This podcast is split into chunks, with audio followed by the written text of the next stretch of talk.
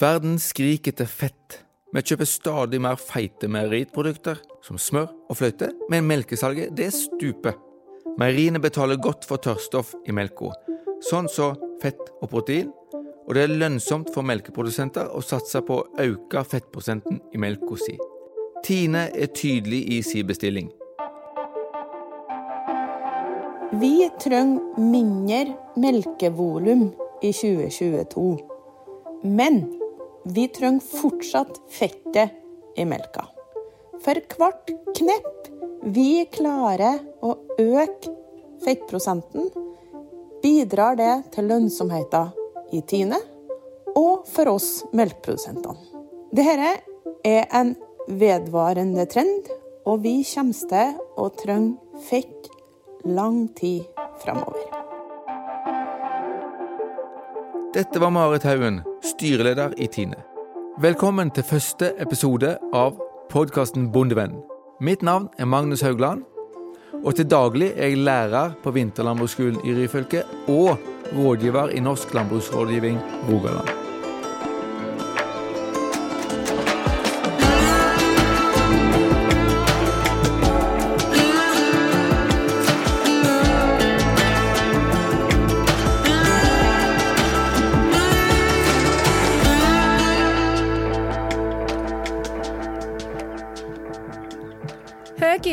Er kjent for å fortynne melka.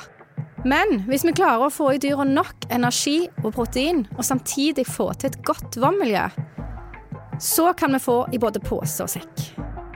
Dette er min gode kollega Ingvild Luteberg Nesheim. Hun har jobba sammen med meg i Norsk landbruksrådgivning tidligere. Hun har òg jobba som fôringsrådgiver i Tine, men nå er hun rektor ved Vinterlandbruksskolen i Ryfylke. Vi har jo til felles at vi liker å snakke mye. Og vi tror at vi kan løse de fleste verdens problem, eller i alle fall landbruksrelaterte problem, over en kopp kaffe. Du drikker ikke kaffe? Te, da. Ok. Men det kjekkeste som fins, er å diskutere og nerde rundt faglige og praktiske problemstillinger i lag med bønder, veterinærer, rådgivere, forskere og andre fagfolk. Så i denne podkasten skal vi snakke om fag. I denne første episoden er temaet fettprosent i melk, og hvordan bonden kan få bedre betalt for melka si. Vi har nå snakka med min kollega Målfri Grødem Njærheim i Norsk landbruksrådgivning Rogaland. Hun har skrevet ei solid masteroppgave om fettprosent hos NRF Kyr. Hør hva hun fant ut om ytelse og fettprosent. Hvis du greier å ha en fôrrasjon med høyt innhold av grovfòr og en god grovfòrkvalitet, så skal det være mulig å øke fettprosenten og også ha nokså høy avdrått. Men for å lykkes med dette, må vi altså ha et godt vannmiljø. Ok, godt vannmiljø. Beskriv det. For å forklare godt vannmiljø og hvordan du best kan øke fettprosenten, må vi ta et djupdykk inn i vomma. Så i dag blir det en god dose fag. Håper du henger med, for det blir mer praktisk etter hvert. Det er en koselig lyd, da. Ja, jeg elsker lyden av melkemaskin. Det minner meg faktisk litt om jul. Ok, la oss bryte dette litt ned. Kan du Ingvild ta litt fra starten igjen? Et godt vannmiljø krever balanse i fôringa. Det vil si rett sammensetning av næringsstoffer og energi. Vi trenger nok fiber, men også energi og protein i rett dose. Og det finnes mange veier til rom, og mange måter å sette sammen fôrplanen på for å få dette til. Men det er ofte enklest å få til med et høyt grovfôropptak. Vi må altså få dyra til å ete mest mulig grovfôr. Mest mulig grovfôr, ja. Men her er det store variasjoner fra fjos til fjos. Men det er mange ting som påvirker hvor mye dyra spiser. Jepp. Både dyret sjøl, den fysiske størrelsen på vomma, holdet til kua, helsetilstand, alder osv., men ikke minst kvaliteten på grovfôret. Både hvor tidlig det er hausta, og hvordan det lykkes med ensileringa. Og I tillegg så har de praktiske fôringsrutinene stor betydning, men det skal vi komme tilbake til litt seinere. Men før vi forsvinner dypere ned i vomma, Ingvild, hva med avl og rasevalg? Fettprosent er veldig arvelig, Det er en høy arvegrad, som betyr at genene har kjempestor betydning for hvor mye fett enkeltkyr har i melka. Så med å ha fokus i avlen, så får du effekt på sikt. Da er det viktig å ikke velge okser som er dårlige på fettprosent. Og hvis en har med fett i avlsplanen, så kan en øke fettprosenten med en tiendedel på kanskje tre til seks år. Men vi hører jo om de som legger om til jersey for å øke fettbetalingen. Jersey er jo en rase med høyt tørrstoffinnhold i melka, og det er derfor mye penger å hente på å bytte rase. Men det er flere ting som spiller inn på den beslutninga, bl.a. utforming av fjos og kvotestørrelse osv. Men vi har jo Holstein-besetninger som har langt over fire i fett. Ja, både NRF og Holstein kan få til en høy fettprosent, med fokus i avlen og god fôring. Avl tar tid. I dag skal vi fokusere mest på de tiltakene som vi kan gjøre på korte sikt. Ja, og da må vi stupe inn i vomma. For å få høy fettprosent så trenger vi jo altså et godt vommiljø. Og godt vommiljø det er når vi får mikrobene til å trives. Mikrober er jo små mikroorganismer som lever i vomma, og disse trenger gode forhold, og det vil si rett pH, rett temperatur og rett tilførsel av næringsstoffer osv. Når kua eter, så kommer fôret fra spiserøret inn i vom. Og her blir mye av fôret brutt ned, og det produseres bl.a. syre. Det produseres også andre ting, som mikrobeprotein, men nå skal vi fokusere på syrene. Hva er poenget med disse syrene? Syrene er hovednæringskilden til kua, og mye av de blir tatt opp direkte gjennom vannveggen og blir transportert med blodet til der det skal, bl.a. til juret for å produsere melk og melkefett. De viktigste syrene som blir produsert i vomma, er eddiksyre, smørsyre og propionsyre. Mens eddiksyre og smørsyre eh, får vi mest av fra fiberen i grovfòret, så kommer propionsyre mer ifra kraftfôr. En annen viktig forskjell er at eddiksyre og smørsyre er byggesteiner i melkefett, mens propionsyre bidrar mer til å øke avdråtten, altså melkemengden. Kraftfôr gir mye propionsyre, men for mye kraftfôr det kan lage trøbbel med vannmiljøet. Ja, propionsyre som vi får mest av fra kraftfôr, er ei sterkere syre. Og Derfor blir det lavere pH i vann når vi gir mye kraftfôr. I tillegg så er det jo sånn at grovfôr er viktig for å stimulere drøvtygginga.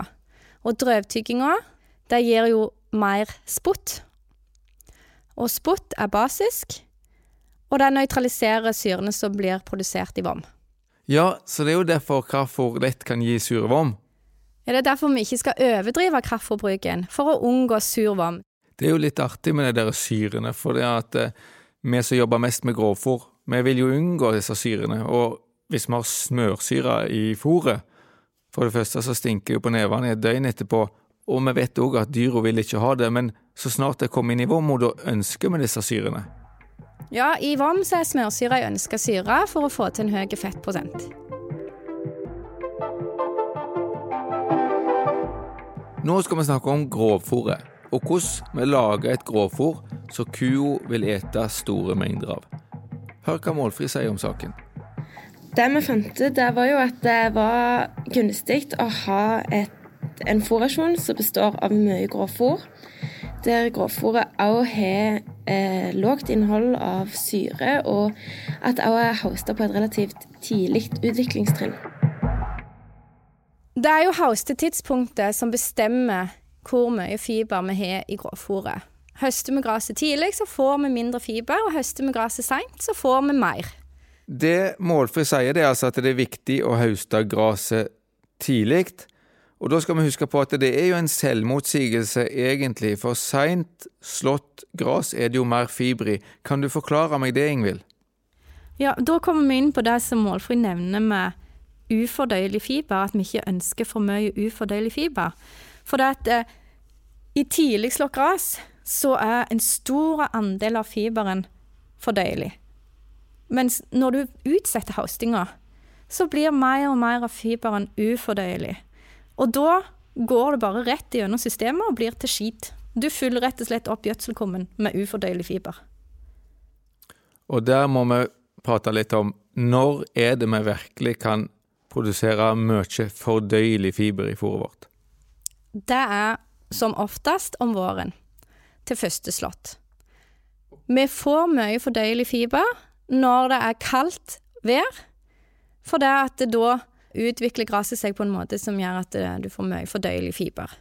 Seinere i sesongen, når temperaturene stiger, så får vi mer ufordøyelig fiber. For da oppfører gresset seg på en annen måte. Det blir mer tørkestressa og lager mer stilk og mindre blad.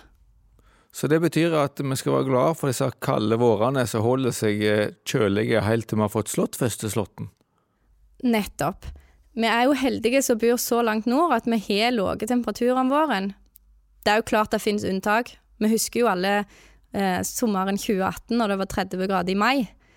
Da fikk vi jo et fôr som var vanskelig å produsere mye fett på. Men stort sett så har vi jo lavere temperaturer om våren her i Norge enn i, eh, lenger sør i Europa. Vi ønsker altså mest mulig fordøyelig fiber, og det er det enkleste å lage på førsteslåtten. Og da er jo spørsmålet alltid når skal vi ta denne førsteslåtten for å få et fôr som det går an å produsere mye fett på. Og da snakker vi jo ofte om begynnende skyting. Og du, Magnus, er jo gråfòrrådgiver, så det er nok best at du tar den definisjonen. Ja, så begynnende skyting, det er jo når vi ser så vidt i dysken på f.eks. timoteien. Da er definisjonen at det er 10% av eh, timoteistrået viser så vidt toppen av dusken. Det er begynnende skyting. Eh, Reigras skal vi være litt mer forsiktig, for det er ofte blandinger gjør at eh, de kan begynne skytinga veldig tidlig i første strå nå, så ta utgangspunkt i timoteien som du har. Begynnende skyting er optimalt, men det er midt i en periode hvor gresset vokser noe helt vanvittig. Det gjør at vi ofte sier at du kan vente ei uke til etter begynnende skyting, for å få med den avlingsauken. Det forutsetter at det er lave temperaturer, så vi slipper en voldsom kvalitetsnedgang. Hvis vi høster gresset for tidlig, før begynnende skyting, når det fortsatt er på bladstadiet, så kan vi risikere å få et lågt innhold av fiber i grovfòret. Mange heller jo mot å hauste gresset tidligere og tidligere for å bruke minst mulig kraftfôr. Og hvis vi klarer å balansere rasjonen, så går det an å få til en høy fettprosent òg på veldig tidlig slått gress. Problemet er bare hvis vi ikke får dyret til å ete mye av det, for da vil en få eh, problemer med vannmiljøet. Så for tidlig slått kan òg slå negativt ut. Kan du forklare hva som skjer i vomma nå, at vi slår for tidlig og får for lite fiber? Da vil vi jo få lavere pH, fordi vi ikke får nok fiber til å få denne gode drøvtygginga og stimuleringa av drøvtygginga. Da får vi mindre spytt, og dermed lavere pH, altså survom. Da vil ikke bakteriene fungere sånn som de skal, og bryte ned fôret. Du utnytter fôret dårligere. Så du får dårligere fôrutnytting, dårligere helse på kua og mindre fett? Det stemmer. Vi sier vi ønsker mest mulig fordøyelig fiber og minst mulig ufordøyelig. Men hvis vi har en situasjon der eh, fôret går altfor fort gjennom vomma, vi får for lite drøvtygging, og det er rett og slett et dårlig vommiljø, da kan ufordøyelig fiber ha en effekt. Og der har jo mange sett at eh, hvis de har hatt et uh, ubalanse i vommiljøet, og blanda inn halm i rasjonen, så er fettprosenten økt. Og det som skjer da, er jo at den ufordøyelige fiberen i halmen, den bidrar til å eh, bedre vannmiljøet, øke drøvtygginga, og dermed så klarer mikropene å utnytte det fordøyelige fiberen som faktisk er der. Og dermed så øker det fettprosenten. Så det er ikke helt unyttig. Men vi er nødt til å ha mest mulig fordøyelig fiber, for det er det som er substrat eller næring til å lage fett. Nå har vi snakket om lave temperaturer første slått. Varmt drivende vær i andre og tredje slått. Hva, hva tenker vi om det? Hva skjer da? Det som er utfordringen når det blir varmt og drivende, det er jo at gresset blir mer og mer stive strå og mindre og mindre blad. Og det som faktisk skjer, det er at eh, vi har et stoff i plantene som heter lignin. Og lignin, det er ufordøyelig. Når det er varmt og drivende og planten utvikler mye stilk, så vil ligninet kapsle inn den fordøyelige fiberen og gjøre den også utilgjengelig for nedbrytning i vom. Og da reduseres fordøyeligheten kraftig.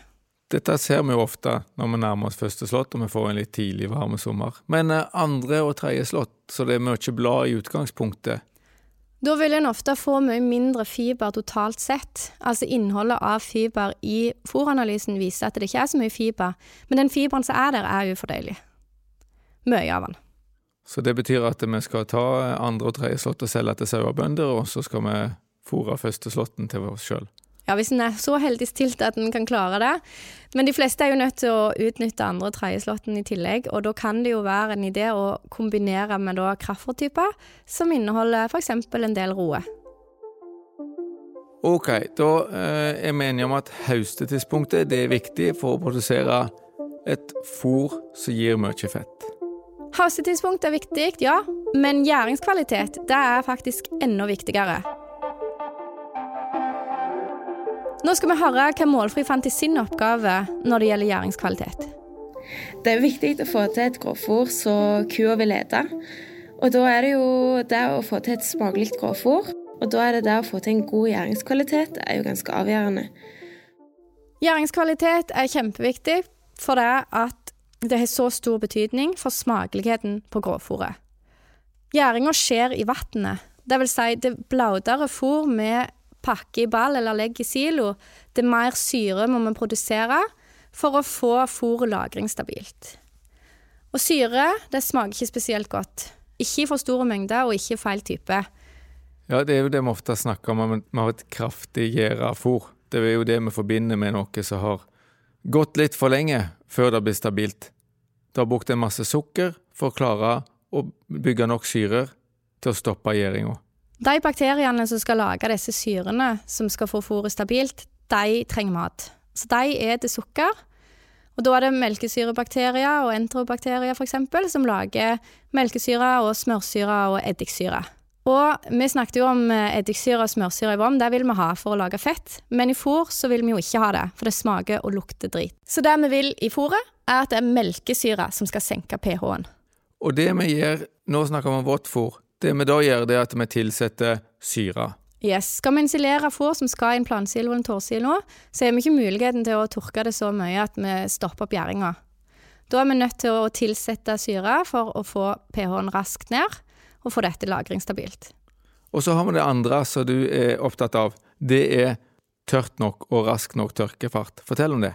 Hvis vi skal konservere fôret i uh, rundballer f.eks., så har det jo ikke så mye å si om du tørker det litt mer. Altså når vi snakker om eh, silo, plansilo og tårnsilo, så vil vi ikke tørke det mer enn 30 til kanskje 35% for å unngå varmgang. Men uavhengig av om det skal ligge i plansilo eller tårnsilo så, eh, eller i rundball, så ønsker vi jo at det skal oppnå det tørrstoffet så fort som mulig. Og det gjør vi med å spraye det ut.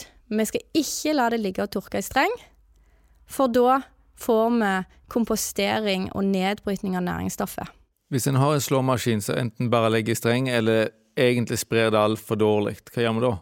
Da bør en få noen til å komme og spratle det, eller få tak i ei spratlerive, rett og slett, og kaste det ut relativt raskt etter slått. Men dette er farlig. Har du tårn eller plansilo, så risikerer vi at det blir for tørt, sånn at du rett og slett får varmgang i siloen. Ja, så her er logistikk viktig. Kanskje må vi rett og slett begynne å legge i siloen allerede før en er ferdig med å slå ned alt. For å unngå at vi må la det ligge i streng og kompostere. Fortell litt mer. Eh, hvorfor? Hvorfor er det så viktig å få rask fortørk? Det er for å unngå at eh, fôret blir brutt ned i tørkeprosessen. Altså, vi må passe på at det ikke blir for mye nedbrytning av sukker og andre næringsstoffer, f.eks. protein. Blir det veldig mye ammoniakk, så smaker og lukter fôret ringt, og da får du heller ikke de til å ete så mye av det. Får vi rask og jevn tørking, så smaker fôret så mye bedre. Det lukter jo som friskt høy når en tar uh, og åpner en ball med flott tørka, raskt tørka fôr. Og her er det veldig store forskjeller uh, hos folk som lager grovfôr, altså. Ok, så trikset for å få et veldig smakelig grovfôr, det er uh, hvis du er vått, så må du ha i syre. Hvis den får tørka det raskt nok, så er det nøkkelen for å få Rolls-Royce grovfòr. Sukker i seg selv er jo også viktig for det at sukker inngår i fettsyntesen i juret. Så sukker kan også brukes som substrat til å produsere fett, så et råfôr med høyt sukkerinnhold er derfor gunstig for fettprosenten. I tillegg til at det er gunstig for å få et høyt grovfòropptak. Men nå, Ingvild, nå må vi snakke litt om kraftfôr. Når dyra spiser mye kraftfôr, så spiser de nødvendigvis mindre grovfôr. Men det er ikke sånn at vi nødvendigvis skal gå for minst mulig kraftfôr, at det absolutt er det beste for å få til et godt vannmiljø.